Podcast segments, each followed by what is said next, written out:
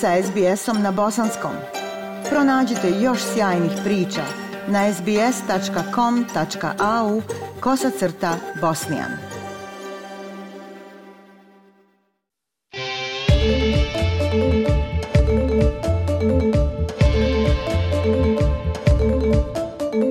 Slušate program SBS radija na bosanskom jeziku. U narednim minutama govorimo o pokretanju istrage Kraljevske komisije o programu Robodept. Premijer Anthony Albanizi najavio je osnivanje Kraljevske komisije za takozvani Robodept program prethodne vlade ispunjavajući izborno obećanje. Automatizovani program povrata duga doveo je do toga da je Centralink pogrešno progonio stotine hiljada primaoca socijalne pomoći zbog dugova koje nisu imali. Prilog Abby O'Brien.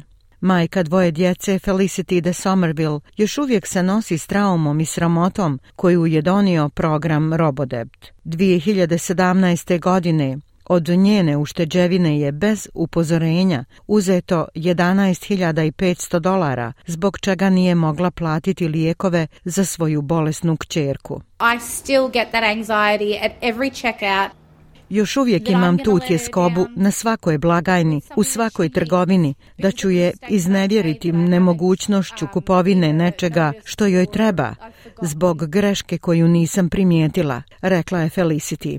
Gospođa Somerville je među stotinama hiljada australaca koji su postali žrtve šeme Robodept. Zajedničkom tužbom utvrđeno je da je 750 miliona dolara netačno vraćeno Centralinku. Sudu je rečeno da su neki dugovi povezani sa samoubistvima.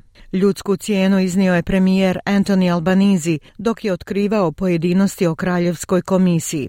People lost their lives. Every single one of my local constituents and every Ljudi su izgubili živote. Svaki moj pojedinačni lokalni birač i svaki član parlamenta može ispričati ovakve priče, rekao je Albanizi. Premijer kaže da će istraga ispitati ko je bio odgovoran za šemu, zašto je bila potrebna, kako se razgovaralo o zabrinutosti ljudi, kakva šteta je prouzročena, koji je bio trošak za porezne obveznike i kako spriječiti slične propuste u budućnosti. It is vital so that we get to the bottom of how robo-debt came about. Od vitalne važnosti je da shvatimo kako je program Robodept nastao kako bismo bili sigurni da se nikada više ne može ponoviti, rekao je Albanizi. Softver za povrat dugova razvila je tadašnja laboristička vlada 2011. godine, a implementirala ga je koalicija 2016. što je trajalo do 2019. kada je kolektivnom tužbom utvrđeno da je šema nezakonita. Edvina McDonald, zamjenica izvršne direktorice Australskog vijeća za socijalnu brigu, kaže da je to preokrenulo živote mnogih.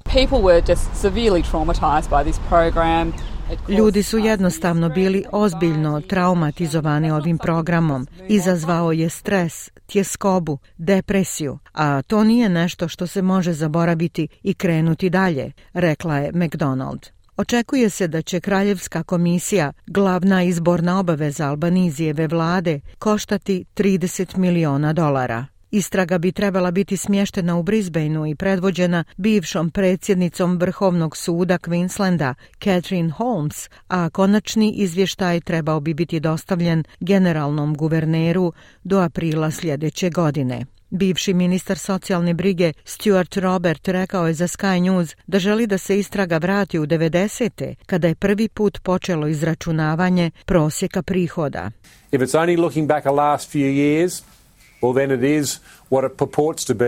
Ako se istraga osvrće samo na posljednjih nekoliko godina, onda je ono što se predstavlja, to je samo laboristička stranka koja se osvrće unatrag i izravnava račune. Vratimo Kraljevsku komisiju 30 godina unatrag. Ako to učinimo, mislim da će Australci razumjeti sve, rekao je Robert. Ovo je druga istraga o postupanju bivše koalicijske vlade objavljena ove sedmice. Scott Morrison, predmet istrage tajnih ministarstava, također bi mogao biti uhvaćen u istrazi Kraljevske komisije o programu Robodept. Bivši premijer bio je ministar socijalne brige kada je uspostavljen program, a opozicioni čelnik Peter Dutton optužuje laburiste da su krenuli u lov na vještice. Anthony Albanese is spending more time in the rear vision, looking in the rear vision mirror uh, than he is looking ahead at what is going to confront the Australian public Anthony Albanizi provodi više vremena gledajući u retrovizor nego što gleda u naprijed u ono što je dobro za Australce.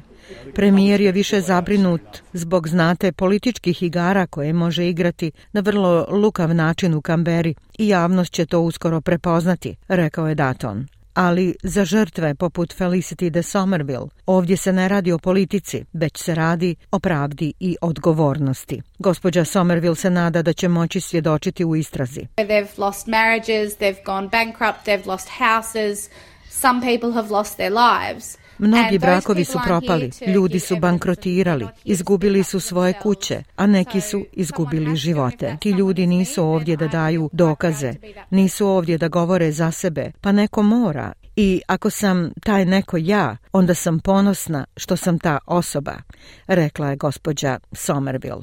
Ja sam Aisha Hadži Ahmetović. Ostanite uz program SBS radija na bosanskom jeziku.